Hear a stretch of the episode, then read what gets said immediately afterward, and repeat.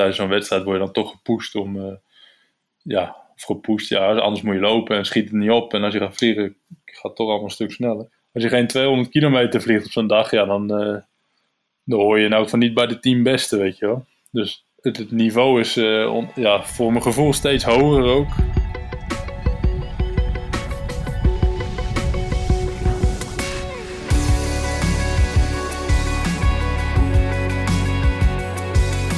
Hi, leuk dat je luistert naar Vliegpraat, de podcast waar het alleen maar gaat over paragliden en alles wat daarbij komt kijken.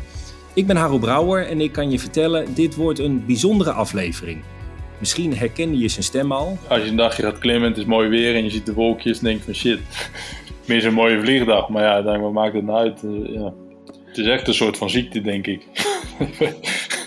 dat je uh, ja, soms een beetje verslaafd bent aan het vliegen druk met vliegen, bergbeklimmen en wandelen is hij.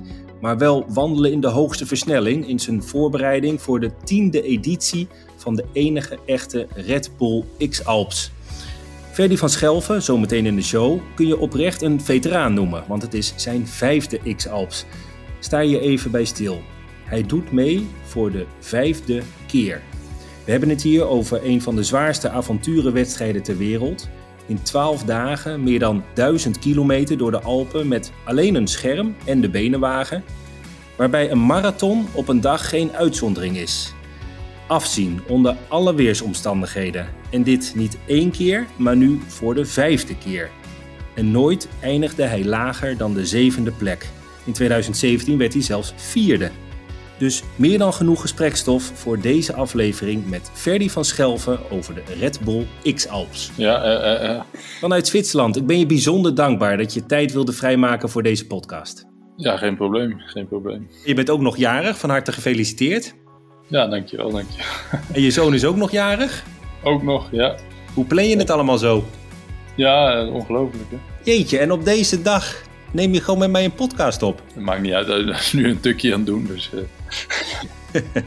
en dan komt uh, de, de X-Alps komt er ook nog aan? Ook nog, ja, ja, ja. Hoe gaat het met je?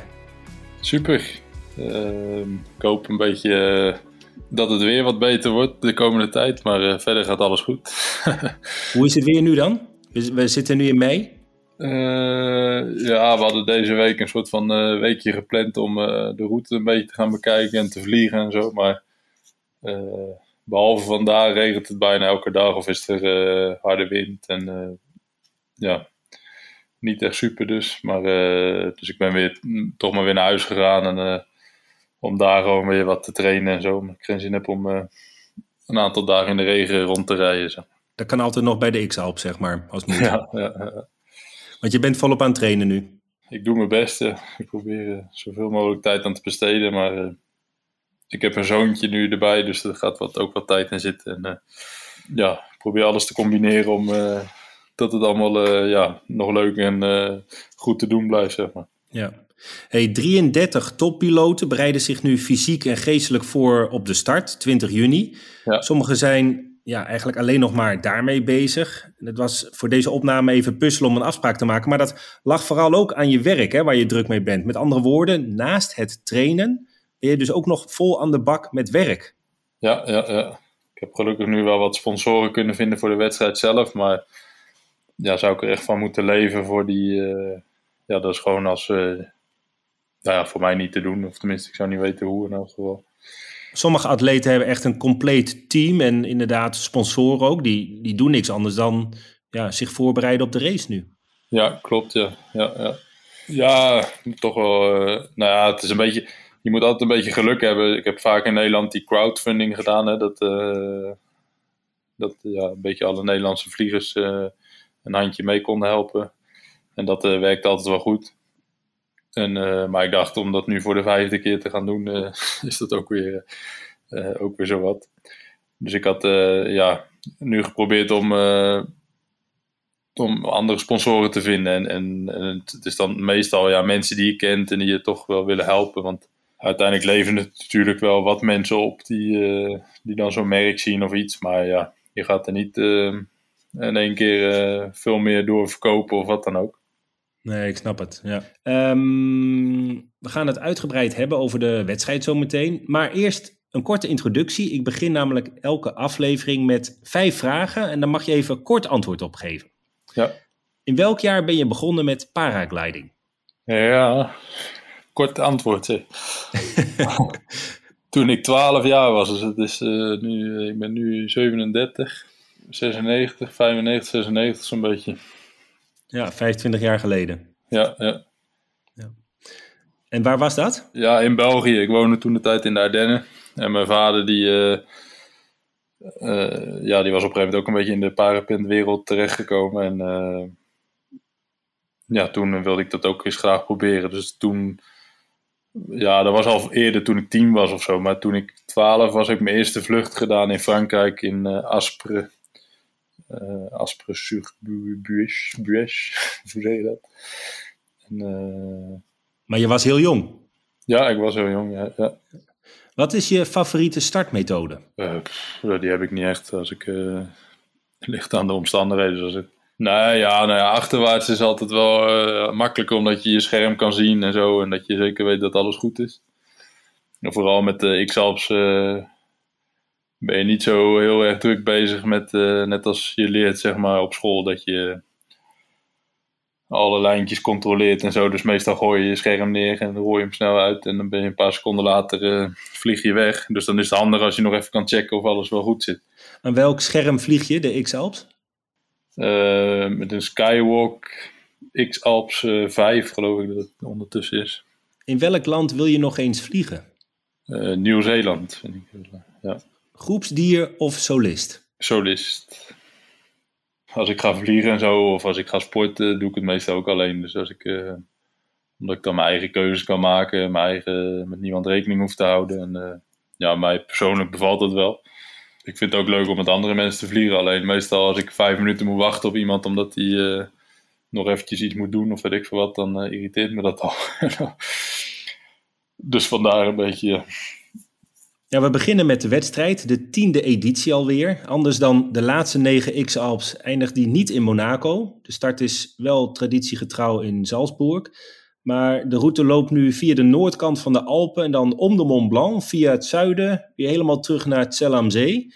Ja. Een bizar parcours hè, van ruim 1200 kilometer. Wat dacht je toen de route bekend werd gemaakt? Ja, eerlijk gezegd hadden we ik weet niet hoe, maar waren er een aantal mensen die een beetje op de hoogte waren of zo. Dus die, uh, die al wat hadden door laten lekken. Dus ik was al een beetje voorbereid toen ze het, uh, toen ze het zeiden. Maar uh, ja, het was toch wel een verrassing. En, maar ja, aan de andere kant ook wel een. ja, het is weer wat anders, want elke keer is het een beetje hetzelfde. Ook al is het eerste stuk nog redelijk hetzelfde. behalve één keerpunt waar we nog nooit zijn geweest. Maar ja, de rest is allemaal wel redelijk bekend. En, maar om eens een keer de Alpen de andere kant op door te steken, wat uiteindelijk makkelijker is, omdat de wind meestal toch een beetje uit het westen komt. Ja, lijkt me wel een keer grappig ook om de andere kant op te gaan. En waar kijk je het meest naar uit, Ferdi? Ehm, nou, ik hoop dat het mooi weer wordt, vooral. dat we mooie vluchten kunnen maken, want anders wordt het een een hele zware race. Of een ja, niet haalbare race, denk ik ook. je weet wat je ongeveer te wachten staat. Hè? Je bent een ervaren X-Alps-piloot. Ja. Dus je kunt, je kunt enigszins inschatten waar je het meest last van gaat hebben tijdens de wedstrijd. Is, is, dat, het, is dat het weer wat je net benoemde? Nou ja, kijk, het maakt mij persoonlijk niet zoveel uit. Maar hetgene waar ik eh, steeds bewuster van ben geworden, nu dat ik hier ook woon in de Alpen, zijn de, de dalwinden. En uh, vooral als er dan feun is of uh, andere verschijnselen waardoor die dalwinden nog sterker worden dan dat ze al kunnen zijn. Vroeger wist ik daar niet zoveel van af. En omdat ik natuurlijk in België woonde en, en nou, dan kom je hier naartoe en dan denk je, kijk je naar het weer, denk je ja, het is mooi weer. En dan ga je vliegen en dan op beland je ergens in zo'n wind en dan ja, uh, word je daar wel een beetje bang van. Maar dan uiteindelijk komt het toch allemaal wel weer goed.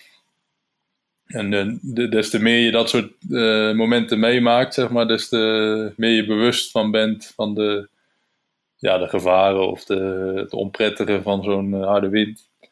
Vooral in de bergen, want kijk, als je gewoon in Nederland harde wind hebt, ja, dan ga je achteruit, maar verder word je niet alle kanten op gegooid. En hier gaat natuurlijk door zo'n dal van links naar rechts en over obstakels heen. En, en ja, zo'n wind meestal niet heel erg laminair. En, net als afgelopen week dat je dan, als je beslissingen zou nemen, zou je dan gewoon niet gaan vliegen. En tijdens zo'n wedstrijd word je dan toch gepusht om, uh, ja, of gepusht, ja, anders moet je lopen en schiet het niet op. En als je gaat vliegen, gaat het toch allemaal een stuk sneller. Dus om dan toch in die omstandigheden te gaan vliegen. En, en ja, daar heb ik niet zo heel erg veel zin in als dat zo is, zeg maar. Het is meer ook gewoon dat ik uh, ja, gewoon relaxed moet blijven in die omstandigheden. En, want uiteindelijk is het altijd wel een oplossing of een, uh, ook al word je alle kanten op gegooid of wat dan ook. Uh, als je een beetje controle hebt over je scherm, kom je er uiteindelijk altijd wel weer uit. Maar het is gewoon om, het, om dan op zo'n moment ja, rustig te blijven en, en proberen ja, toch nog het beste uit zo'n dag te halen. Ook al zijn de condities heel erg sterk en uh, turbulent en, en, noem maar op. Nou, dat is wel um, een, echt een hele uitdaging. Ik bedoel, je vliegt niet aan een A-scherm, zullen we maar zeggen. Nee, nee. En, en ook nog in die condities. En dan zeg je van ja, dan, je, je zei ik word er ook wel een, een beetje bang van. Waar uitzicht dat dan in bij jou? Want op zo'n moment zeg je ook van ja, moet je op dat moment gewoon je scherm bij je houden. Ja, nou ja, tijdens elke wedstrijd kom je aan het einde, of als je dan uh, met alle piloten weer samenkomt. Niet bij alle wedstrijden, maar ik denk bij drie van de vier die ik al gedaan heb, uh, hebben we toch ja, bijzondere sterke dagen meegemaakt. En dat het heel erg turbulent was of zo. En dan dat je dan aan het einde met elkaar praat en dan komt er altijd het zinnetje I thought I was gonna die. komt dan een keer aan de sprake en dan ja zeggen er toch wel een aantal ook dat ze ook zo'n eh, van dat soort ervaringen hebben gehad. En dan is dat misschien wel een beetje overdreven, maar dat je wel een beetje denkt van, uh, what the fuck uh, gebeurt hier allemaal, weet je wel. Wat doe jij op zo'n moment, Ferdi? Wat doe jij dan? Ja, het beste ervan maken. je hebt weinig keus. Dus, je, maar ja, de truc is natuurlijk om gewoon proberen niet in paniek te raken en gewoon en, de, en de situatie onder controle te houden. Maar. Dus dat is een beetje de.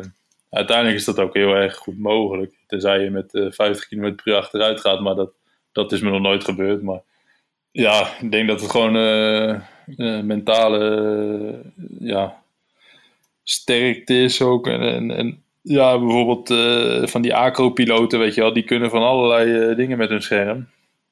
En uh, of het scherm naar achteruit of naar links of naar rechts gaat, dat zijn ze allemaal wel gewend. Dus die zullen daar misschien wat iets relaxter onder zijn dan, dan, uh, dan, dan mijzelf. Maar uh, ja, ik weet het niet. Het is uiteindelijk.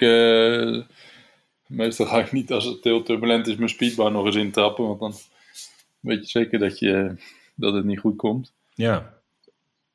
Maar uh, ja, het ligt eraan tenzij je ineens uh, dat je toch uh, weg moet uit zo'n zone of dat het heel erg hard naar beneden gaat. Of wat dan. Maar het ligt heel erg aan de situatie natuurlijk. Ja, en, ja, ja. En, en, en, soms moet je gewoon even vechten om... Om, om er doorheen te komen. Ja, om want je weet dat het toch wel omhoog gaat of zo, weet je wel. En dan ja, kan het wel heel erg turbulent zijn. Maar als je ja, eventjes op je tanden bijt en je, en je, je gaat dan even uit die leizijde en je zit weer hoog onder de wolk en je kan daarna weer weer verder vliegen en dan weer in een zone komen waar het wel weer wat beter is, ja, dan ben je er weer vanaf en, en, en, eh, en kun je misschien daar, daarna nog 100 kilometer vliegen of zo, weet je wel. Dus dat is. Ja. Ja, van het voorjaar hebben ze hier ook van allerlei uh, supervluchten gemaakt in, uh, in Frankrijk en zo.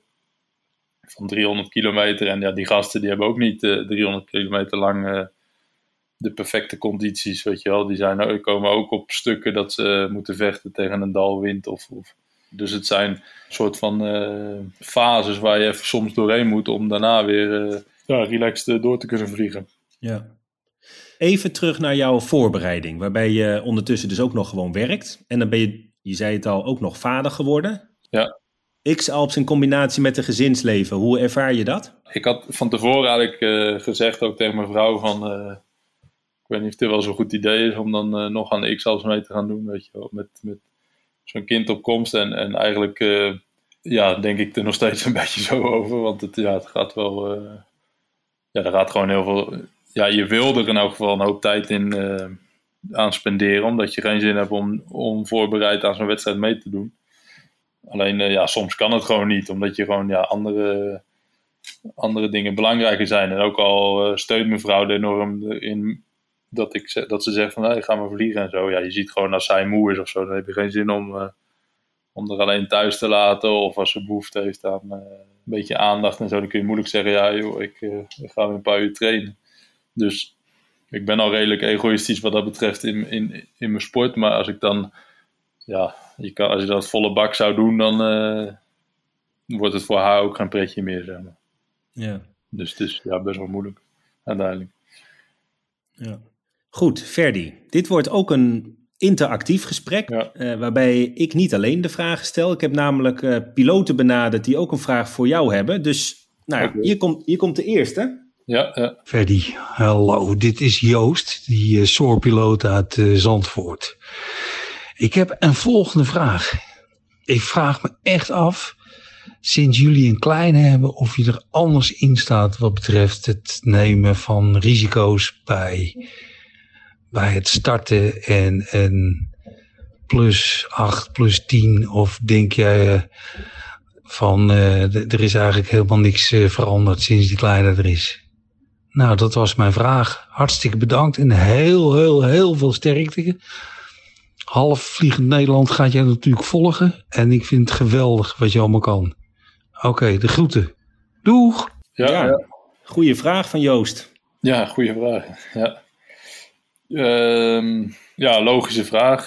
Nou heb ik al sowieso met de jaren ja, word je een soort van uh, voorzichtiger met alles. Omdat je ja, veel meer ervaring hebt. Je weet meer wat de gevaren zijn en, en noem maar op. Dus voorlopig heb ik nog niet uh, die stress gehad van ja, er zit een kleine thuis en, en, en dit en dat. Maar ja, ik denk als je vermoeid bent en ik heb die moment al eerder gehad in de race dat ik, of dat een goede vriend van mij ongeluk had gehad en dat hij van een rotswand af was gevallen. En uiteindelijk was er niks aan de hand. En had hij alleen zijn enkel verstuikt. Maar, en dat je al een paar dagen in de lijzijn aan het vliegen bent. Omdat elke dag uh, er een sterke westenwind was. En dat je ja, richting het westen moet. Dus automatisch zit je dan continu aan de lijzijde te, te vliegen. En dat ik ja, na een paar dagen vechten gebeurde dat toen. Toen had ik echt zoiets van, ja, waarom doe ik dit eigenlijk? Weet je wel, ik kap ermee en uh, uh, ik ga wel gewoon uh, relax vliegen als het weer het toelaat en zo. En dan komt er ineens weer een goede dag en dan vlieg je weer 150 kilometer of weet ik veel wat. En ja, en dan ben je toch weer een soort van vrolijk en ga je gewoon weer rustig verder. Maar ik denk, ja, als, als er weer zo'n moment van vermoeidheid uh, komt, of dat je uh, een moment van stress, of wat ik al eerder vertelde over die dalwinden en zo, dat je daar misschien toch wel, ja, zul je daar toch wel rekening mee houden, denk ik. Maar ik ben op zich zelf al uh, redelijk voorzichtig met, met, met dat soort dingen, want ik had in de eerste drie X-Alps had ik echt wel veel momenten meegemaakt dat ik ja, echt ja, goed bang was geweest en ehm, de laatste X-Alps uh, die ik gedaan heb, op twee, twee dagen gehad dat, dat het echt uh, ja, voor mij gewoon, uh, ik zoiets had van, dit is voor mij niet waard om nu te gaan vliegen. Dus ik, ik, ik ga wel gewoon lopen en, en dan uiteindelijk zie je gasten in de lucht echt vechten om hun scherm open te houden. En ja, waar, waarvan je als je op de grond staat al een soort van kramp in je buik krijgt van, oh, als dat maar goed komt. En dat ik gewoon blij was om, om die keuze gemaakt te hebben dat ik dan ga lopen. Dan maar uh, dan verlies ik maar een paar plekken of weet ik veel wat. Maar het is me dat niet waard om mezelf, om mijn leven uh, op het spel te zetten, zeg maar. Ja, ja. En, uh, en, dat had ik sowieso al. Dus misschien dat dat nu ja, iets geaccentueerd wordt. Maar dan kan ik, moet je zou me nog een keer moeten vragen na de wedstrijd. Misschien of, het, of dat echt... Heeft meegespeeld. Ja, ja. ja. Nou goed, ik heb, ik heb ook een vraag van iemand anders die hier ook op aansluit. Komt die aan? Ja. Hallo, mijn naam is Annian, 32 jaar en sinds enkele jaren vlieg ik ook wedstrijden zoals de Hike and Fly Race Eikentour in Zwitserland. En graag stel ik Ferdi, bij een wedstrijd zoals de Red Bull X-Alps vlieg je soms in condities waar je normaal gesproken misschien niet zomaar in zou vliegen. Waar trek jij de grens? Uh, ja, er zijn uh, dingen geweest ook dat ik in de wolken heb gevlogen en zo of gestart om, omdat je dan boven op een berg staat en dat je geen zin hebt om dat hele stuk naar beneden te lopen. Of, en ook gewoon omdat je anders gewoon ver, verrekt veel tijd verliest en dat je dan maar op je kompas uh, stukje door de wolken vliegt om uiteindelijk eh, ja, onder de wolken gewoon weer verder te vliegen. Wat uiteindelijk ja, niks aan de hand is, maar officieel natuurlijk verboden en nou ja, noem het maar op. Dus ja, er zijn altijd wel ehm, grenzen die je verlegt. En, en, nou ja, iedereen trekt op een gegeven moment, zeggen ze, hebben ze zoiets van, nou, het, is onweerachtig. Op een gegeven moment zeg je van, nou, nu is het klaar, ik ga nu landen. En dat kan voor de een vijf minuten of uh, tien minuten eerder zijn dan een ander. Ja, dus die grens is eigenlijk, en zeker dan in, in zo'n wedstrijd als de X-Alps, is, is een beetje vloeibaar ook. Ja, het ligt natuurlijk, het is gewoon je eigen beslissing. Dus uh, misschien denk je ik op een gegeven moment van, nou, dit is echt te gek, ik ga landen. En dan zie je iemand anders voorbij vliegen en dan denk je van, oh, nou, op zich valt het misschien wel mee. En dan ga je daarna gewoon weer verder. Omdat je je laat beïnvloeden door iemand anders. Of... Maar het zijn denk ik wel grenzen die je moet stellen.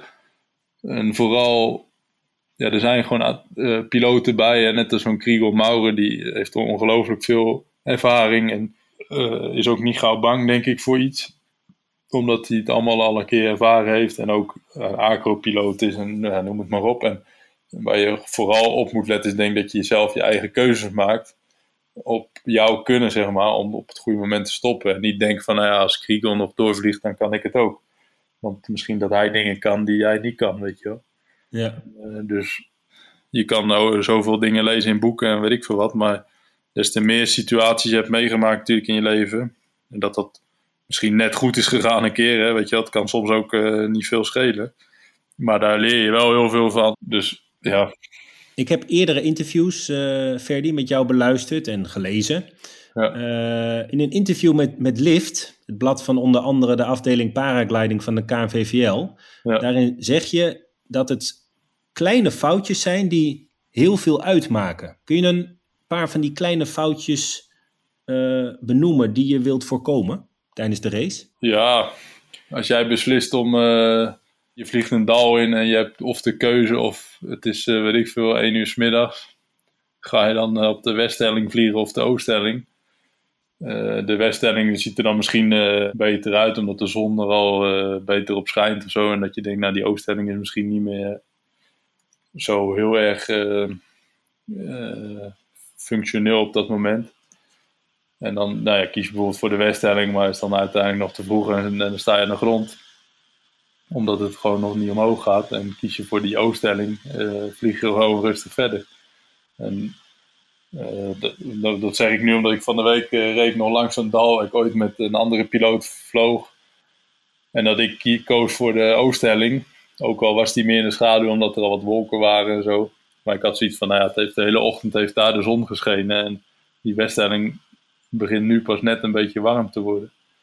En hij kon uiteindelijk niks vinden. En ik uh, ja, vind gelijk een temiekbel en, uh, en vliegen we verder. En uiteindelijk had hij ja, een dag voorsprong op zo'n gast. Door zo'n klein, ja, wat zijn het allemaal, analyses zeg maar. En hetzelfde in Nederland als je een keer een wolk mist of een temiekbel. Ja, dan sta je aan de grond omdat je uh, geen temiek vindt. En dan is het klaar, weet je wel. En in de berg heb je daar soms wel iets meer marge in, omdat je altijd wel weer verderop een bel kan vinden of iets. Maar het zijn allemaal zulke kleine beslissingen. Uh, een van de laatste dagen van de, mijn laatste wedstrijd die ik gedaan heb, was op een gegeven moment ook, ja, had ik besloten om nog te gaan vliegen die laatste, ene laatste dag. En uiteindelijk was dat ja, een goede keuze, omdat ik daar weer een aantal mensen door heb ingehaald. En op een gegeven moment vlieg ik naar de overkant van een, uh, van een dal. En kom aan de overkant. Er was een beetje ook al een ooststelling, maar die al een tijdje. Het was al drie uur s middags of zo. Dus het ging, ik had wel wat gevonden wat omhoog ging, maar ging niet echt. Uh, ja, het was niet plus drie en, en gaan. Maar ja, dus heel lang zo'n klein belletje. En op een gegeven moment was ik een soort van klaar mee. En dacht ik van, nou weet je, ik ga wel landen. En dan loop ik een stukje wel omhoog. En dan kan ik aan de andere kant weer starten en weer verder gaan. Mm maar uiteindelijk had ik, ja, denk je, beslis je dan om te gaan landen. Maar eerder dat je je scherm ingepakt hebt, dat je weer gaat lopen. En dan moet je toch eigenlijk uiteindelijk nog een uur omhoog lopen of zo. Om dan boven te komen. En dan denk je van ja, had ik nou maar misschien nog eventjes uh, mijn best gedaan, had ik misschien toch wel een bel kunnen vinden. En, ja, dan ben je een half uur later uh, al boven. En dan uh, door dat zo'n uur te verliezen, zeg maar, kan best veel zijn op het einde van de dag kun je misschien daarna nog één dal oversteken. En voor je het weet had ik misschien wel derde kunnen zijn, weet je wel. Als, als, ik, als ik die ene oversteek misschien iets meer geduld had gehad. Of, ja, Ja. het zijn allemaal zo kleine dingen. En ook op de grond bijvoorbeeld, want op de grond dan heb je te maken met, met, met, met wegen, met, met geitenpaadjes, noem het maar op. Ik bedoel, wat kies je? De kortste weg. Maar nee, ja, op de grond eh, maakt allemaal niet zo heel veel uit. Want eh, dan maak je dus elkaar allemaal een beetje gek van... Vooral de eerste dagen als het dan slecht weer is, dan eh, loop je allemaal misschien een kilometer achter elkaar aan. En dan denk je van, ja, ik moet door blijven lopen, want anders haalt hij me weer in. Dan verlies ik een plek. Maar ja, uiteindelijk is dat meer een beetje psychisch dat je, dat je daar een beetje door gek laat maken. Maar uiteindelijk natuurlijk heeft het wel invloed. Tegenwoordig allerlei goede apps die eh, je routes uitrekenen. En eh zeggen van nou, ik wil daar naartoe. En dan eh, rekent een beetje een soort van routeplanner, maar dan voor wandelpaden. Maar net als met een normale routeplanner heb je ook dat zo'n ding eh, soms eh, ja, helemaal niet de meest logische route aanwijst. Ja, En inderdaad. sommige mensen vertrouwen daar iets te veel op, vind ik. En daar kun je toch nog soms wel ja, verschil in maken door, eh, door zelf een beetje eh, op te letten. Soms eh, als je 100 meter eh, recht omhoog loopt door een bos, dan snij je twee kilometer weg af. Dus dan is dat wel de moeite. Nee, ik denk dat toch wel het, meeste speelt zich toch af in de lucht, weet je wel. Dus ja, als je daar één klein foutje maakt, kan het je zomaar een dag kosten, weet je wel. Als je een keer midden op de dag op de grond staat en het is gewoon super vliegweer. Ja, dan verlies je gewoon eh gauw 100, tot 200 kilometer. Eer dat je weer boven bent en zo. Ja, kan gewoon weer twee uur duren. Dus dan in de tussentijd zijn die gasten alweer eh 80 kilometer verder of zo. In, ehm, in interviews kom je op mij over als een zelfverzekerde wedstrijdpiloot. Hè? Jij bepaalt de koers, eh, laat je niet afleiden door anderen of opjagen. Je vertrouwt op je eigen intuïtie en ervaring. Is dat een beetje Ja. een correcte beschrijving? Nee, dat klopt wel, ja. Dan is natuurlijk wel de vraag, hè, juist ook omdat je het vooral allemaal zelf doet. Ja. eh, wat is dan jouw manier om jezelf te verbeteren? Hè? Dus om bijvoorbeeld niet vierde, wat ook al een enorme prestatie is, maar misschien wel een, een, een podiumplek te kunnen pakken. Nou ja, om beter te kunnen doen dan wat ik nu heb gedaan, zou ik eh, ja, gewoon 100% van mijn tijd daaraan moeten besteden. En ik, ja, op zich zou ik wel weten hoe dat eh, zou moeten. hè. Dan moet je echt aan de gang gaan met een trainingscoach. En ja, dat je gewoon fysiek eh, 100% bent. En zoveel mogelijk vliegen eh, de hele winter. eh, ja, naar een plek toe gaan waar je gewoon de hele winter kan vliegen. En eh acro-trainingen, weet ik het, noem maar op. Om gewoon zoveel mogelijk eh, maar op een gegeven moment ja, heb je ook gewoon een leven en, en, eh, en dat gaat ook gewoon door. En, en ja, wat ik nu met die kleine, zo, dus, ja, wat ik nu gewoon doe is eh, dat ik het beste wat ik, ja, wat ik voor mezelf leuk vind ook. Weet je wel. Ik ga me niet verplichten om, eh, om elke dag 40 kilometer te gaan hardlopen of weet ik veel wat. Als ik het nou nog beter zou willen doen, dan zou ik, dat, maar dat heb ik altijd al gezegd, van, dan moet je gewoon 100% van je tijd eraan spenderen. En dan Ja. niet meer gaan werken, want dat werk, ja, dat schiet gewoon niet op. Ja. Maar dat is niet waar jij voor kiest. Nee. Nee. Eh, had ik wel graag een keer willen doen, maar is misschien nu. Misschien eh, had ik dat twee edities geleden moeten doen of zo. Toen ik nog wat jonger was en nog niet alle. eh, Vaderlijke plichten. precies. maar ja, nu is dat ja, denk ik eh, te laat. En ik, het gaat me nu meer om. het blijft een mooie ervaring om die hele, om die hele Alpen door te steken. En om ja, het uiterste, je uiterste best te doen en alles te geven. Ja, het is dus, fantastisch. eh, het is fantastisch. Echt fantastisch. Zeg, ehm, ik heb een vraag ook voor je van iemand eh, die ook meedoet aan de X-Alps. Je kent hem dus. Ook een van de piloten. Oké. Tegen wie het moet opnemen. Nou, komt hij aan. Ja. Hey, Ferdy, it's Gavin. I can't wait to race with you, buddy, and uh, look forward to seeing you hopefully soon. My question for you is with all the unknowns right now that we're dealing with, how do you stay motivated to train, and how is all of that going, and how are you approaching it mentally? Thanks, bud. See you soon. Ja, Lachen. dat was Gavin. Ja, ja, ja. Ja, hij, zit, eh, hij is er echt volle bak mee bezig ook met de X-Alps. En voor hem is het denk ik een andere, eh, ook iets moeilijker allemaal, omdat hij natuurlijk in Amerika zit en dan moet hij hier naartoe komen en campers huren en uh, mensen hier naartoe laten vliegen. Er komt veel meer bij kijken dan uiteindelijk als je hier al bent. En, uh... Gavin heeft veel respect voor jou, de manier dus hoe je vliegt, je stabiliteit, een constante hoge niveau en hoe je hem eerder passeerde in de X-Alps. Wat, wat zegt dat jou als hij zoiets vertelt over jou? Ja, leuk om te horen natuurlijk ja, hij kijkt dan op naar, naar, naar mij omdat, hij, ja, omdat ik hem dan in heb gehaald. Maar dat is dan ook weer maar net een keuze, weet je. Ik had hem ook kunnen volgen. Of, en, uh, soms sta ik er echt van versteld, zeg maar, hoe goed je dan nog kan... dat ik dan vierde ben geworden in zo'n wedstrijd. Dat je denkt van, ja, hoe kan het nou uiteindelijk dat je vierde bent, weet je wel? Of, mm -hmm. want ja, ik zit toch ook vol met... Uh, allerlei dingen in mijn hoofd. Ik denk van, uh, nou, dit had beter gekund, dit had beter gekund. Of op een dag dat je dan denkt van, nou, ik ga vandaag niet vliegen omdat, omdat uh, het weer het niet, uh, voor mij niet goed is. En dat de anderen toch vliegen en die gaan dat, die dag toch een stuk verder. Dat je denkt van, ja, shit, nou is het gedaan. En dan een dag later maak je toch weer een goede beslissing. Maar het is ook ja, een beetje geluk, denk ik dan. Denk ik heel vaak dat het geluk is. Maar dan uiteindelijk eindig je toch elke keer wel weer goed. Dus hoe dat dan ik weet het zelf eigenlijk niet echt waarom ik. Uh, natuurlijk uh, ben ik een goede piloot, ik vlieg al jaren, maar ik train nou ook weer niet uh, ontzettelijk veel, weet je, als ik als sommige andere piloten zie. Dus ja, ik weet het eigenlijk niet. Een natuurtalent? Nou, natuurlijk, er zit wel een stukje natuurtalent in. Maar dat gevoel had ik meer toen ik vroeger, ja, toen ik nog wat jonger was. Nou, zo, zo, oud ben je ook weer niet hoor, Ferdy. Nee, maar toen ik, weet ik veel, 16 of 20 was, toen uh, had ik wel zoiets van dat ik uh, een soort van beter was dan de anderen. Of hoe zeg ik dat? Ja, dat ik zo iets had van... Uh, maar er zijn nu zoveel goede piloten, weet je. Als je op een goede dag, als ik dan zie waar ik woon, weet je dan vliegen ze zomaar... ja, als je, niet, als, je, als je geen 200 kilometer vliegt op zo'n dag, ja, dan, dan hoor je nou van niet bij de tien beste, weet je wel. Dus het, niveau is uh, ja, voor mijn gevoel steeds hoger ook. En, uh, en, en, ja, als je in België woont, dan heb je het gevoel van, nou, dat je heel goed bent, omdat er natuurlijk veel minder mensen vliegen. En uh, zijn er maar een aantal, en in Nederland is dat natuurlijk ook zo. Een aantal goede piloten. Dus als jij dan ja, bij de soort van standaard piloot een beetje rondvliegt en je bent dan net iets beter, ja, dan voel je, denk je van, nou, ik ben uh, hartstikke goed, weet je wel. Want ik vlieg elke keer verder of weet ik veel wat.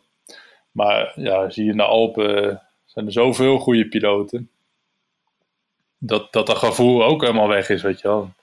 Ja, uh, iedereen maakt mooie vluchten en... Het, het, lukt je gewoon keer op keer, kennelijk. Ja, dat, op een, ik hoop dat het dit keer ook weer zo is. Ja. en, ja, dat het allemaal veilig gaat gebeuren en, en dat ik goede keuzes maak. En ik denk dat het sowieso eh, creëer je natuurlijk een beetje eigen geluk. En dat zal dit keer ook wel weer zo zijn. En, en hoop ik in elk geval. En uh, ja, we gaan, gaan er gewoon weer het beste van maken. En, uh, en dan zien we wel weer. Volgende vraag is van, uh, van Max. Kom er maar in, Max. Hi Freddy, Max Wout hier. In de Red Bull X-Alps van 2017 eindigde jij na een indrukwekkend man-tegen-man gevecht met Simon Oberraude op een uitstekende vierde plaats. Maar omstandigheden in 2015, uh, jouw vriend Tom uh, de Doordedoor uh, blesseerde zich toen tijdens de start. En 2017 waren we moeilijk, een risicovol en jullie vlogen voortdurend op de limiet of net erover. na de race van 2017 had jij zoiets van, ik ben er echt helemaal klaar mee. Um, dus ik ben benieuwd wat jou nu heeft doen besluiten om je aan te melden voor de X-Alps 2021. Ja, er, blijft altijd een soort van uh, ja, dingetje in je kriebelen, wat dan toch. In, 2000, nee, in 2011 was ik er klaar mee, in 2013 was ik er klaar mee. Bijna elk jaar eh, na zo'n wedstrijd heb je zoiets van, nou, het is echt te gek voor woorden. En ben je er op, na zo'n wedstrijd klaar mee, maar dan op een gegeven moment, ja, een jaar verder ga je toch weer denken van, ja, misschien is het toch weer leuk om mee te doen. En het is een soort van, uh, ja, uh, verslaving of zo, denk ik. En, uh, in, in... en wat maakt het dan zo verslavend voor jou? Ja, dat is een goede vraag. Maar ik denk gewoon, ja, dat hele het hele concept, zeg maar. Het is gewoon, uh, ja, het is een wedstrijd die je, ja, je zou het nooit gaan doen als, je, als iemand jij nu zegt, oké, je gaat voor jezelf zo snel mogelijk het rondje vliegen.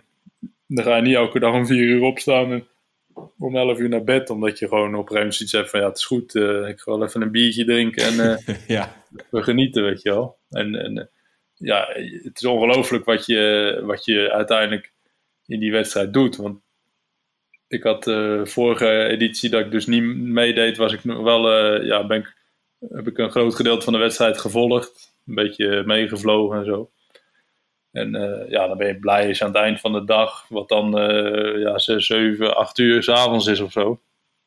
Dat je gewoon uh, weer in de auto kan stappen en die gasten weer kan volgen in de auto.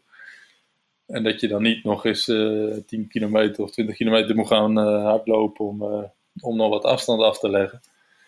Ja, dan, dan, dan besef je pas, ja, hoe zeg je dat, ongelooflijk iets je doet, zeg maar. Het is als je in die wedstrijd zelf bent, dan hoor je van iedereen, ja, het is ongelooflijk wat jullie doen en zo, maar ben je er niet echt mee uh, bezig, omdat je gewoon doet wat je doet. En, en ja, op de een manier uh, kun je dan gewoon om vijf uur opstaan en is het wel even moeilijk het eerste uurtje, maar dan daarna ben je de hele dag gewoon actief en dan ga je s'avonds weer slapen en de volgende dag weer.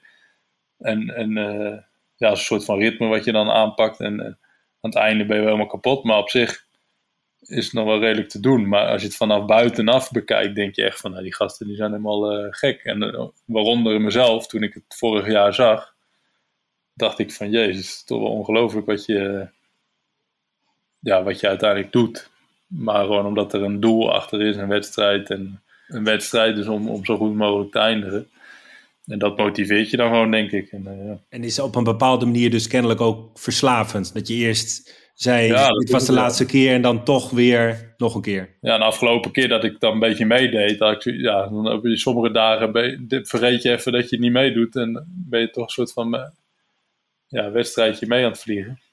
Ja, dan aan het einde van de, op een gegeven moment denk ik van, nou ja, doe nou maar relaxed, weet je wel. Je doet helemaal niet mee, dus je kan ook gewoon eh, gaan landen. En, eh, ja. We gaan naar een uh, vraag van een andere piloot. Hey Ferdi, Carlien hier. Um, ik herinner me nog dat je voor de vorige edities van de X-Alps veel in de Ardennen trainde in Co. Um, is voor jou het trainen in de Alpen veel nuttiger dan hier in Nederland of België? Of maakt dat niet zoveel verschil qua voorbereiding? Groetjes. Uh, nee, het maakt wel uh, ja, het maakt een heel groot verschil. Want uh, vooral de regio waar ik nu woon is uh, ja, best wel indrukwekkend. Je zei, je zei het al in het begin van het interview van dat, dat je nog sneeuw zag en zo nou, nu schijnt hier de zon vandaag en uh, het is denk ik 15 graden of zo. Maar als ik nou uh, ja, 1500 meter omhoog loop, sta ik gewoon in de, ja, is het gewoon winter en uh, ligt, er nog sneeuw op de bomen en is het gewoon ja, echt winter. En, en, en dan kan ik, als ik wil, kan ik nog 1000 meter omhoog lopen en dan is het min 10. Hier achter mij zijn allemaal bergen van 4000 meter hoog. En ja, zijn gewoon de hoogste bergen van, van de Alpen. Dus als ik hier nu aan het trainen ben, aan het vliegen ben, als ik nou in Oostenrijk daarna kom, dan is het echt een soort van, uh, oh ja, het lijkt wel een beetje de Ardennen hier zo, weet je, omdat het gewoon, of nou ja, het ligt eraan waar in Oostenrijk natuurlijk, als je rond de Grossglockner en weet ik veel allemaal komt, dan is het allemaal wel weer een beetje hetzelfde als hier. Maar ja, een beetje die vooralpen, uh, is gewoon een stuk minder uh, ja, indrukwekkend uiteindelijk. En wa waardoor je daar ja, ook wel weer een stuk relaxter bent, zeg maar, in de hele wedstrijd. Omdat je gewoon uh, gewend bent aan die rotswanden en hoge bergen en sterke thermiek en, en noem maar op. Dus waar, waaronder de rest dan allemaal weer meevalt. Dus, en, ja, dat is wel heel erg fijn. En ook het leizijde vliegen en ja, het is gewoon een soort van normaal geworden. Ja, dus dat maakt het allemaal nuttiger, zeg maar, om in de Alpen te trainen. Ja, zeker, ja. En ook, uh, ja, gewoon als ik uh, nu wil trainen, dan, ja, ik hier twee bergen zo uh, links en rechts van mijn huis. En als ik ja, mijn huis uitstap, kan ik zo, ja, duizend meter omhoog lopen. En, en nou ja, wil ik dat in België, in België moest dan al vier keer hetzelfde bergje op en neer. Wat ik in Ardennen vooral deed, was een van mijn weekenddagen ging ik gewoon de hele dag lopen. Dus dat was dan, ja, meestal een kilometertje of 40, 50 of zo. En uh, dat, ja, dat kwam uiteindelijk ook wel heel erg te pas, omdat je gewoon uh, ja, op die dagen dat het slecht weer is, ook dat soort afstanden loopt. En uh, deed ik veel hardlopen en zo. Dit heeft zijn voor- en zijn nadelen. Maar ja, hier train je vooral met hoogtemeters. Dus je loopt een keer omhoog, vlieg je weer naar beneden. Of je loopt ook weer naar beneden. Want uiteindelijk is dat ook belangrijk om, om, om die spieren ook een beetje te trainen. Want dat kan tijdens de X-Alp natuurlijk ook gewoon gebeuren dat je een keer niet kan starten en dat je weer naar beneden moet lopen. En als je dan uh, ja, 2000 meter naar beneden loopt, dan kun je daar, als je daar echt geen uh, spieren op getraind hebt. Uh, dan krijg je daar zeker last van. Ja, ja, ja. dat is echt ongelooflijk. Ja. De volgende piloot, die jou ook op de voet volgt, met een goede vraag, heeft hij ook. Hallo Ferdi. Ik ben Mark van Nieuwpoort. Ik heb gehoord dat eigenlijk alle X-Alps-atleten wel mensen hebben die achter hun aanreizen om hun met van alles te helpen. Sommigen schijnen zelfs hele teams te hebben. Wie reizen er met jou mee? Ja, uh, dat klopt. Dus er zijn sommige teams die uh, hebben vier, vijf supporters. En uh, die hebben een masseur en de die zorgt voor de voeding en de andere voor het weerbericht en noem maar op. Dus wat, wat, wat ik daarvoor, wat we hiervoor al zeiden, dat ik aardig op mezelf gericht ben. Uh, de eerste twee wedstrijden die ik mee heb gedaan, ik zelfs, uh, was met Anton Brouws, een goede vriend. En uh, toen de tijd een collega van mij op het werk. En ja, dat ging eigenlijk echt super goed. Hij was op zich niet de beste piloot hè, voor parapenten. Maar ja, wel gewoon een hele gemotiveerde gast. En ja, nee, was gewoon een super, super, super team wat dat betreft. En ik, we zagen ook, dus de eerste wedstrijd mochten we maar uh, maximaal twee zijn. En dan mocht er een derde bij komen, dan kreeg je daar strafpunten voor. Dus dat is de eerste keer. En toen de tweede keer hadden ze toegelaten dat er een tweede supporter uh, bij mocht. Omdat het toch wel ja, een hoop werk was en uh, dat er een hoop bij kwam kijken. En toen zagen we al in sommige teams dat je een soort van frustraties kreeg tussen teamgenoten. Weet je wel, dat de ene meer deed als de andere. En ja, een soort van gevechtjes. En uh, ik heb het liefst altijd zo min mogelijk mensen om me heen. Jouw vrouw is een supporter? Ja. En, uh, en uh, dit jaar heb ik dus een, een ja, ook een, een, collega van het werk. Die is berggids en vliegt ook al jaren. En die gaat dus ook een handje mee helpen, een beetje meer voor voor ja, het fysieke gedeelte uh, mij ondersteunen tijdens het omhoog lopen en, en beslissingen nemen over het vliegen uh, en dat soort dingen. Het is de bedoeling hè, dat de supporter jou fysiek en mentaal ondersteunt tijdens de wedstrijd. Ja. Je hebt nu vier keer meegedaan. Waar bleek jij het meest behoefte aan te hebben?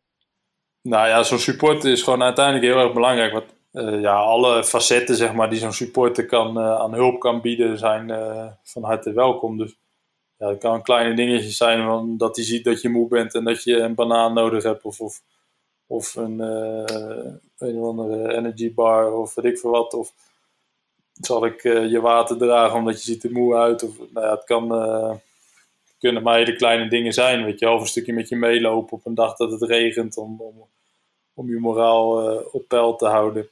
Ja, nou ja, dat soort, al die kleine dingetjes zeg maar, waar je, om je te ondersteunen en ja, moraal op peil te houden. En, uh... Word je een beetje zenuwachtig, Ferdi, naarmate de race dichterbij komt? Nee, uh, dit jaar uh, niet echt, of nog niet in elk geval. Als ik mijn spullen klaar zou hebben en, zou zeggen: Oké, we gaan morgen van start, dan is het voor mij prima. Nou, dat klinkt in elk geval wel heel relaxed wat dat betreft. Ja, maar dat denk ik ook al omdat ik het. Ik ben sowieso niet snel zenuwachtig, denk voor dat soort dingen. Maar heb het natuurlijk ook al een aantal keer gedaan, dus ik weet ja. Ja, wat me te wachten staat. En, ja. Ja. Een van die piloten, Kriegel Maurer, heeft zes keer de X-Alps gewonnen. Een ongelofelijke prestatie. Hoe, Ja. ver- hoe verklaar jij zijn succes? Het is eh, een, een, eh, ja, een hele goede piloot. En niet dat ik mezelf nou een veer in mijn reet wil steken of iets, maar ik, eh, ja, zo'n soort van, eh, ja, toen ik al jong was, een soort van natuurtalent of weet ik veel wat. En, eh, in elk geval een soort van ja, goed gevoel bij het vliegen gehad. En dat heeft hij denk ik ook, alleen met het verschil dat hij in de Alpen woont en, en ja, sinds jongs af aan al eh, bezig is met dat vliegen. En zich volledig focust op die X-Alps. hij, heeft ook geen werk, dus zijn werk is een beetje alles wat om, eh, om het hike en fly eh, ja, gebeurt. En, en eh, nou, hij is heel erg eh, ook gefocust op zo'n wedstrijd. Heel erg uh, geordend ook in zijn voorbereiding. Dus hij, hij, hij, hij traint allerlei verschillende facetten en, en, analyseert heel veel dingen. Samen met zijn teamgenoten ook. En uh, heeft allerlei plannen in mappen om... Uh, nou, als het dit weer is, gaan we zo. Als het dit weer is, doen we dit. Als allerlei verschillende scenario's bedenkt hij. ja, enorme voorbereiding. En hij weet gewoon wat hem te wachten staat. En en ook om op kop te vliegen, weet je. Hij weet, hij is altijd de eerste geweest, al vanaf de tweede of de derde dag. En, uh, en vliegt dus, uiteindelijk beslist hij de hele route zelf, weet je wel. Dus hij, hij heeft niemand voor zich waarvan hij kan zeggen van, oh ja, laten kijken wat die anderen gedaan hebben. Dus hij moet zelf al die beslissingen nemen. En dat is denk ik zijn sterke kant. En ik denk wat moeilijk kan zijn voor als de andere piloten voor hem komen dan denk ik vooral aan de jongere gasten die misschien fysiek heel erg sterk zijn. En dus als het een paar dagen slecht weer is, dat ze misschien hem in kunnen halen op de een of andere manier. Omdat, omdat ze dan toch uh, ja, jonger zijn en uh, kortere fysieke inspanningen beter bevallen. Zeg maar. maar dan als je vooraan bent, moet je wel de goede beslissingen nemen om vooraan te blijven. Zeg maar. En ik denk dat dat ja, ook wel een van zijn sterke kanten is om, om ja, weet niet anders dan dat hele stuk de beslissingen te nemen. En als je achteraan de wedstrijd, dan ja, 80% van de mensen kijken naar waar is Kriegel geweest, weet je wel. Terwijl dat, wat hij zelf ook zegt, als hij die wedstrijd voorbereidt, is dat hij probeert niet overal te gaan vliegen waar, waar hij eventueel langs gaat gaan. Of plannen te bedenken van tevoren van, ik ga het sowieso doen, want op zo'n dag zelf kun je beter die beslissing nemen. Wat op dat moment de, de juiste beslissing is. Het is niet altijd dat die berg het beste is omdat daar altijd werkt. Want als op die dag een, grote wolk boven die berg is en alles is in de schaduw, dan werkt het op die dag misschien juist niet. moet je dan een ander bergje opzoeken. Dus zijn analyse van de route op het, op het moment zelf is heel erg sterk. En, uh, en er zijn sommige andere piloten denk ik niet zo goed in. Ferdy, we hebben het al eh, even over sponsoring gehad. Je hebt het uitgelegd. Kun, kunnen luisteraars jou ook nog op de een of andere manier sponsoren? Ja, ik weet het niet. We zaten er nog aan te twijfelen of dat we dit jaar weer zo'n soort van uh, crowdfunding actie zouden gaan doen. Maar ja, ik vind het een beetje. op zich heb ik nu. Ik had een bepaald budget. wat we nodig hadden voor de wedstrijd. En, en dat budget dat hebben we nu gehaald met diverse sponsoren ik vind het leuk als iedereen me weer, alle mensen die me afgelopen jaren ook gevolgd hebben, als die me weer uh, aanmoedigen en volgen. En, uh, maar qua geld of zo hoeft er niet meer bij, of wat ik veel. Dus. Nee, duidelijk. Ja. Um, Ferdi, heb jij nog een, een tip voor de paragliding piloot? Ja, een tip. Een tip van Ferdi? ja, een tip van Ferdi. Het blijft natuurlijk een prachtige sport waar je van moet genieten. En ja, wat voor tip je... Ja geen idee. Iedereen zit nu met spanning te luisteren. Daar komt de tip van Ferdi. Ja, ja, nee, ja. Zodat ik weer een stapje verder kom in het paragliden. Ja, nee, een stapje verder is, uh, als, als het dan daarom gaat, is uh, ja, wees niet bang om. Uh, ik zeg het hier ook aan, aan, vrienden en zo die dan hier vliegen. En dan vliegen ze elke dag. Als ik hier start, dan ben ik misschien tien minuutjes op de lokale startplek. Totdat ik eh, op wolkenbaas zit. En dan het eerste wat ik denk is, waar ga ik nu naartoe? Want ik, ik blijf nooit, uh, ja, tenzij het heel erg uh, apart weer is of zo, maar ik blijf no probeer nooit op dezelfde plek te blijven, zeg maar. Ik wil altijd kijken waar ik dan naartoe kan vliegen. Dus mijn eerste gedachte is van, nou ga ik naar links, naar rechts, maar, ja, naar voren, naar achter. En soms vraag was aan die gast van, joh, waarom blijf je nou de hele dag op die, hier zo'n beetje rondhangen? Op een gegeven moment heb je dat wel gezien, toch? Die, die, ja, hetzelfde plekje. En hun vinden dat op zich prima. Maar ik denk dat elke piloot wel behoefte heeft om, uh, of niet elke, maar uh, ja, een hoop om, om dingen te... Te ontdekken. Te ontdekken, ja. En, uh, en dat moet je gewoon doen. Want uiteindelijk, ja, dat is het mooie aan Parapent, is dat je nou, hier bijvoorbeeld overal kan starten waar je maar wil. Weet je, als je omhoog loopt en je komt ergens op een weiland waar genoeg helling is en, en de wind komt van voren, ja, kun je daar starten, weet je wel. Of als zelfs als er geen wind is, kun je ook starten. Maar... En dat is wel grappig, want heel vaak zijn mensen een beetje. Uh, ja, we gaan naar uh, Annecy of waar, waar ik zelf ook hoor. Vroeger was ik ook heel erg zo. dan ging ik elk jaar gingen we, nou, gaan we vliegen in de Alpen en dan gingen we naar Annecy en dan gingen we daar vliegen. Maar dan, ja, kom je pas om twee uur kun je eens een keer gaan vliegen omdat het een weststelling is. Terwijl als je ergens naar een ooststelling gaat, kun je om 9 uur of om 10 uur al starten. En uh, kun je van de hele dag genieten, weet je wel. Kun je de hele dag vliegen. Dus, dus om, uh, ja, je kan uiteindelijk in de, in de bergen kun je overal starten. En, en dan de landing is uh, misschien soms wat moeilijker, hè, met, met bepaalde dalwinden en zo, waar je geen zin in hebt om in te komen. Maar uh, ja, als je dat een beetje onderzoekt en waar, waar die sterke winden eventueel zijn en waar, waar er niks aan de hand is, daar kun je overal in die regio wel ergens een weilandje vinden waar je kan landen.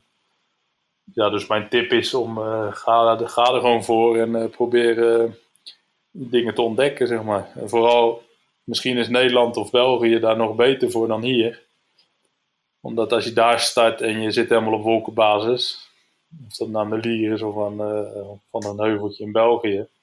Uh, ja, als je helemaal op wolkenbaas zit, dan ga je, vlieg je gewoon een windje mee en dan ontdek je van wolk naar wolk weer nieuwe plekken, nieuwe, nieuwe dingen. En als je ja, niks anders gepland hebt op zo'n dag, kun je gewoon uh, ja, zo ver gaan als je wil. En, en dan zie je wel weer hoe je thuis komt.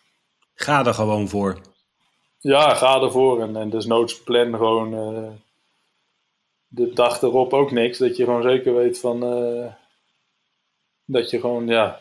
Dat, ja, dat je door niks tegengehouden wordt, zeg maar. Dat, dat heb ik zelf vaak wel last van. Als ik nu vandaag uh, zou gaan vliegen, bijvoorbeeld. Nou, uh, mijn zoon is jarig, dus dan denk je van, nou, ga ik moet niet te laat thuis zijn. Want uh, s'avonds hebben we een etentje en dit en een taart. En, ja, dan heb je allerlei factoren waardoor je niet, ja, niet voor de allergrootste vluchten die je maar kan maken kan, zou doen, zeg maar.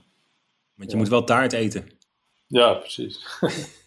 hey, sowieso uh, kunnen we je allemaal gaan volgen weer hè, op sociale media. Ja, klopt, ja. Klopt. Waar post jij het liefst je berichten? Ja, tegenwoordig uh, doe ik het meest op Instagram wel, eigenlijk. En dan wordt dat uiteindelijk vanzelf ook op uh, Facebook ook gepost. Nou, we gaan je volgen. En ik denk dat ik namens alle luisteraars spreek heel veel succes.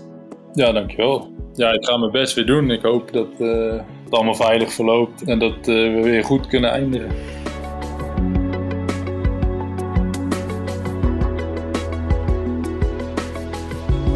Tot zover deze aflevering met Ferdi van Schelven over de Red Bull X-Alps, de tiende editie. Het zal weer een ongelooflijk avontuur worden. Deze aflevering kwam tot stand in samenwerking met Max Wout. Dank ook aan alle piloten voor hun vragen. Vond je het nou een leuke aflevering? Laat het dan vooral even weten. Dat kan bijvoorbeeld door een recensie achter te laten via de Apple Podcast app of stuur een mailtje naar harroapenstaartappmp.nl. Vertel je vrienden en andere piloten over paragliding vliegpraat en abonneer je vooral ook op de podcast. Dan krijg je de volgende vliegpraat op zo in je bakje. Nou, veilige vluchten en tot de volgende!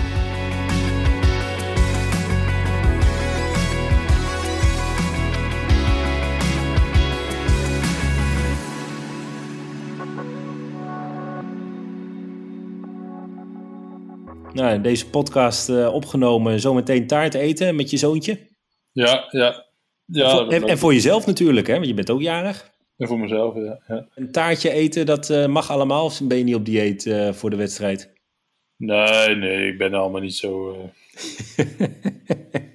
nee, ja, misschien zou het wel moeten, maar ik, maak me, ik ben niet... ook weer geen topsporter, weet je wel. Het is allemaal niet... Nou, je bent wel een topsporter, Ferdy, hoor. Ja, maar niet, ja, niet zoals, uh, weet je, het is ook gewoon een wedstrijd die zo lang duurt. En uh, uiteindelijk moet je tijdens die wedstrijd ook echt zoveel mogelijk eten. Wat je maar binnen kan krijgen, moet je eten, omdat je anders gewoon te veel gewicht verliest. En dus voor dat betreft, als je een beetje reserve hebt, kan het ook geen, geen kwaad.